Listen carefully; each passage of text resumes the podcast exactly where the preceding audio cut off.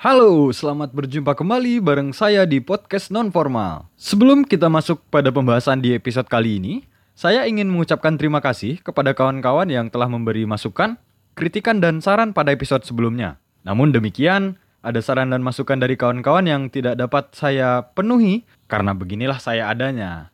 Baik, pada episode sebelumnya kita sudah membahas tentang definisi orang dewasa. Baik itu definisi secara usia, biologis, sosiologis, bahkan juga secara psikologis.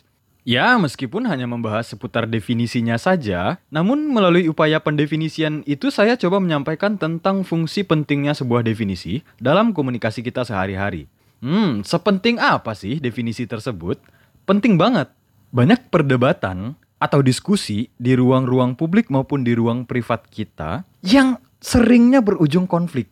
Jadi banyak perdebatan atau diskusi-diskusi kita yang tidak menemu titik terang gitu, tidak mendapatkan titik temu yang barangkali bisa diterima bersama.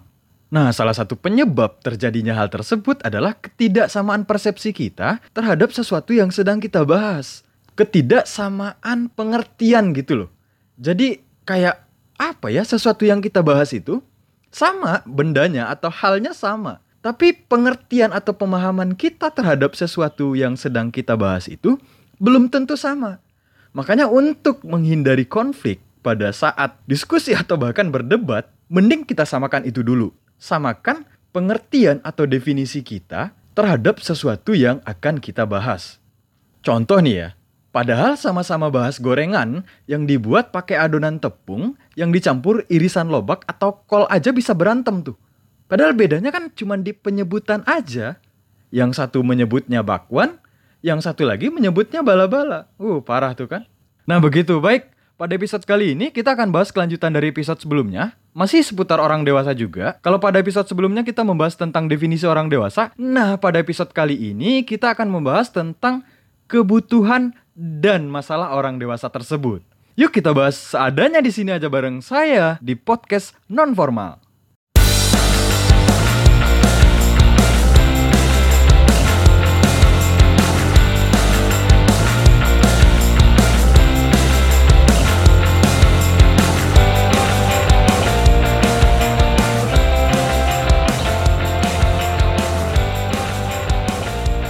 Oke, baik. Uh, judul episode podcast non formal kali ini sebetulnya ialah orang dewasa, kebutuhan dan masalahnya. Nah, jika sebelumnya kita sudah membahas tentang orang dewasa beserta definisinya dari berbagai dimensi, maka saat ini kita akan lebih fokus membahas tentang kebutuhan dan masalah orang dewasa. Pertama-tama kita akan bahas tentang kebutuhan. Kebutuhan orang dewasa. Hmm, kebutuhan itu apa sih? Seperti yang sudah saya katakan di awal tadi tentang pentingnya definisi, maka dari itu kita coba definisikan terlebih dahulu apa kebutuhan itu. Menurut Kamus Besar Bahasa Indonesia, kebutuhan ialah yang dibutuhkan atau yang diperlukan. Kebutuhan merupakan hal-hal yang perlu dipenuhi untuk menjamin kelangsungan hidup suatu organisme atau suatu individu. Jadi sederhananya, kebutuhan ialah sesuatu yang dibutuhkan untuk dapat bertahan hidup. Kebutuhan sebetulnya sudah melekat secara otomatis kepada setiap individu semenjak individu tersebut dilahirkan ke muka bumi. Jadi kebutuhan itu sifatnya bawaan ya. Contoh ini, bayi yang baru lahir saja itu langsung memiliki kebutuhan akan yang pertama oksigen pasti ya oksigen oksigen Pasti, karena bayi nggak mungkin nggak bernafas dong. Selanjutnya bayi pasti membutuhkan ASI ibunya. Terus bayi juga mungkin membutuhkan tempat yang nyaman agar dia bisa tidur dengan pulas. Nah artinya kebutuhan tersebut justru sudah melekat semenjak seseorang dilahirkan. Nah, jika bayi saja sudah memiliki kebutuhan sedemikian rupa, apalagi kita orang dewasa. Bicara soal kebutuhan ini tidak afdol rasanya kalau kita tidak melibatkan salah seorang tokoh psikologi yang terkenal dengan teori hierarki kebutuhannya, yaitu Bapak Abraham Maslow. Jadi Bapak Maslow ini bilang bahwa kebutuhan itu sejatinya sudah melekat pada individu sejak individu tersebut dilahirkan, ya seperti yang di awal tadi ya. Terlebih lagi bagi individu yang sudah memiliki tujuan dalam hidupnya, atau dalam kata lain, individu yang sudah dewasa. Selain untuk bertahan hidup, poin penting yang disampaikan Maslow ialah bahwa setiap individu perlu memenuhi kebutuhannya untuk dapat menjadi manusia seutuhnya. Wah. Jadi ini dalam rangka kita menjadi manusia seutuhnya nih. Makanya ada atau terdapat beberapa kriteria kebutuhan yang mesti kita penuhi.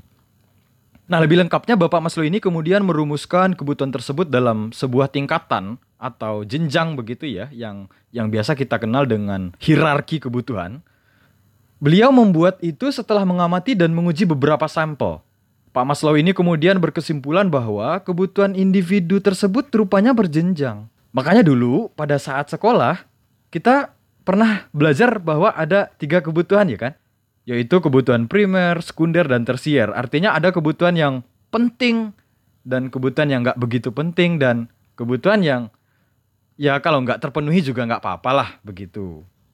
Baik, kita coba bahas satu-satu aja ya. Lebih jauhnya, dalam teori hierarki kebutuhan ini, Maslow bilang kalau kebutuhan paling dasar yang harus dipenuhi oleh setiap individu ialah kebutuhan fisiologi atau kebutuhan fisik. Kebutuhan paling dasar ini mau nggak mau setiap individu harus memenuhi.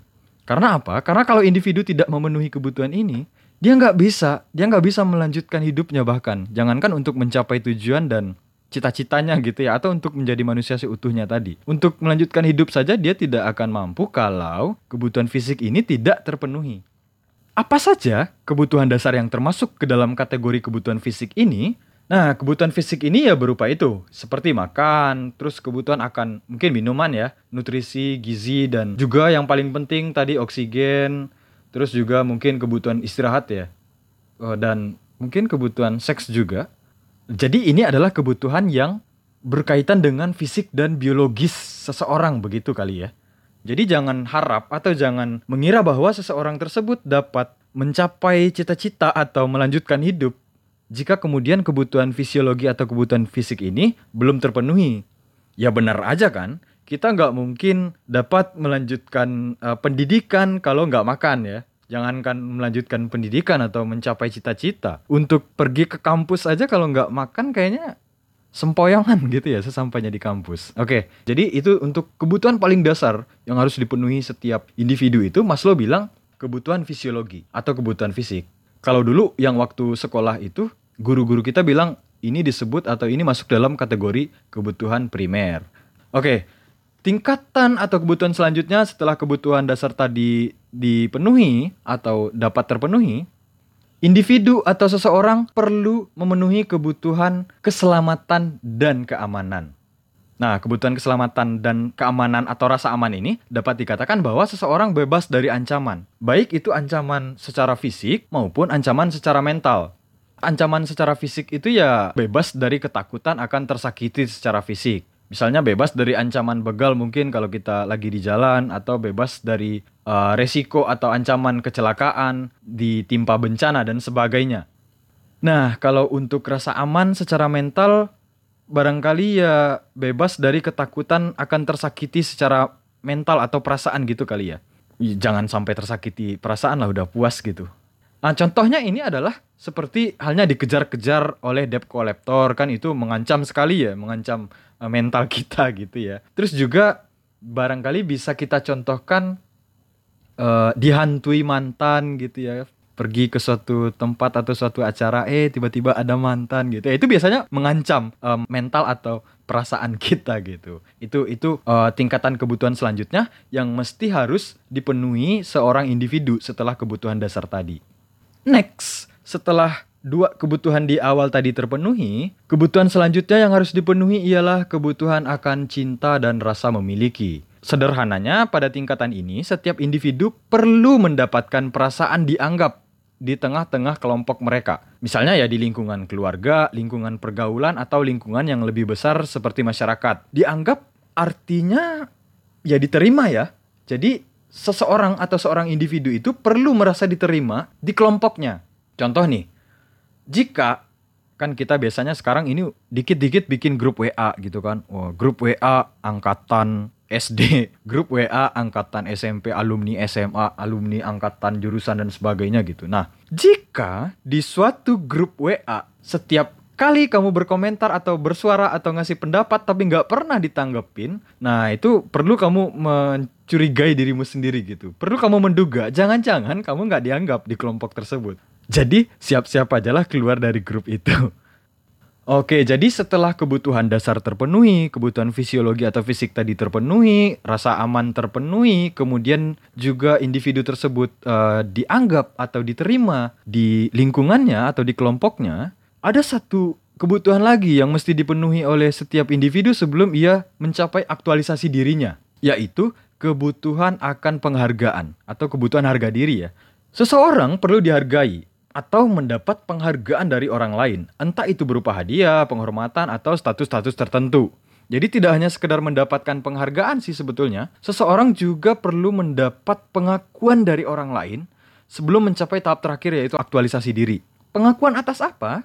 Ya bisa aja pengakuan atas diri individu tersebut, atas eksistensinya sebagai seorang individu, atau pengakuan atas kompetensi yang dimiliki oleh individu tersebut. Jadi katakanlah misalnya kayak dia punya skill atau bakat. Nah, orang-orang di sekitarnya sudah mengakui dia akan kemampuannya itu. Ini tuh tidak diragukan lagi nih. Ini kalau sudah si Anu yang melakukan ini, wah ini kita sudah percaya aja. Nah, kira-kira begitu uh, kebutuhan ini. Nah, setelah semua kebutuhan tadi terpenuhi, barulah kemudian seorang individu dapat mencapai aktualisasi dirinya. Apa sih aktualisasi diri itu? Maslow bilang, aktualisasi diri adalah tahap di mana dia bilangnya begini, what a man can be, he must be. Jadi uh, tahap di mana seseorang ingin menjadi apa, ia akan menjadi itu gitu loh. Jadi artinya pada titik ini seorang individu sudah mencapai tujuannya. Pada titik ini juga seorang individu dapat menerima dirinya sendiri. Memahami dirinya sendiri.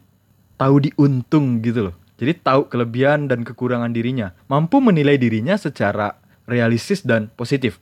Pada titik ini pastinya seorang individu uh, selain sudah mencapai cita-citanya atau makan mungkin selain sudah mencapai tujuannya, pasti dia akan mendapatkan kebahagiaannya. Begitu. Jadi tahap aktualisasi diri itu seperti itu. Nah, sebagai manusia dewasa atau orang yang masuk pada tahap dewasa awal ya, banyak kemudian yang keliru atau tidak mampu membedakan yang mana yang kemudian menjadi kebutuhan pokok atau kebutuhan dasar yang mana yang kemudian menjadi kebutuhan yang barangkali ini belum begitu penting menjadi kebutuhan. Contoh nih saya suka sama seorang perempuan di Jakarta kan wah.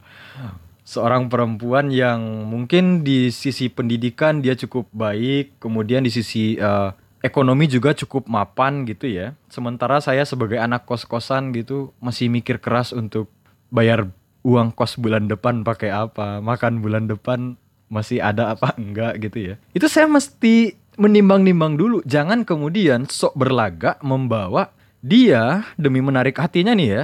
Ujuk-ujuk saya mengajak dia untuk nongkrong di kafe atau restoran yang mahal gitu ya. Sementara saya buat makan aja susah gitu. Nah, banyak terjadi ketidaktepatan dalam menempatkan kebutuhan.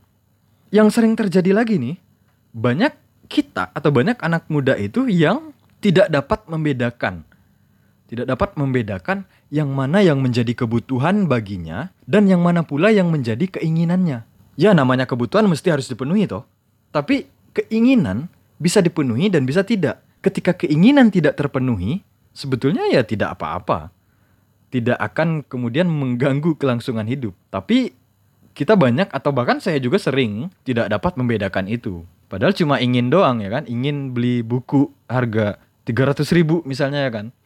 Padahal nggak butuh-butuh amat itu buku gitu. Toh setelah dibeli nggak dibaca juga gitu ya. Tapi karena keinginan doang yang menggebu-gebu gitu ya, ketika dilihat oleh teman sebelah kamar gitu, us beli buku tebel amat nih, pinter nih pasti. Biar dikira begitu doang kan padahal gak dibaca juga, akhirnya ya sudah mengorbankan kebutuhan dasar, mengorbankan kebutuhan-kebutuhan lainnya hanya demi uh, mencapai atau hanya demi memenuhi keinginan tadi. Makanya perlu kita bijak dalam membedakan yang mana yang uh, kebutuhan dan yang mana yang keinginan.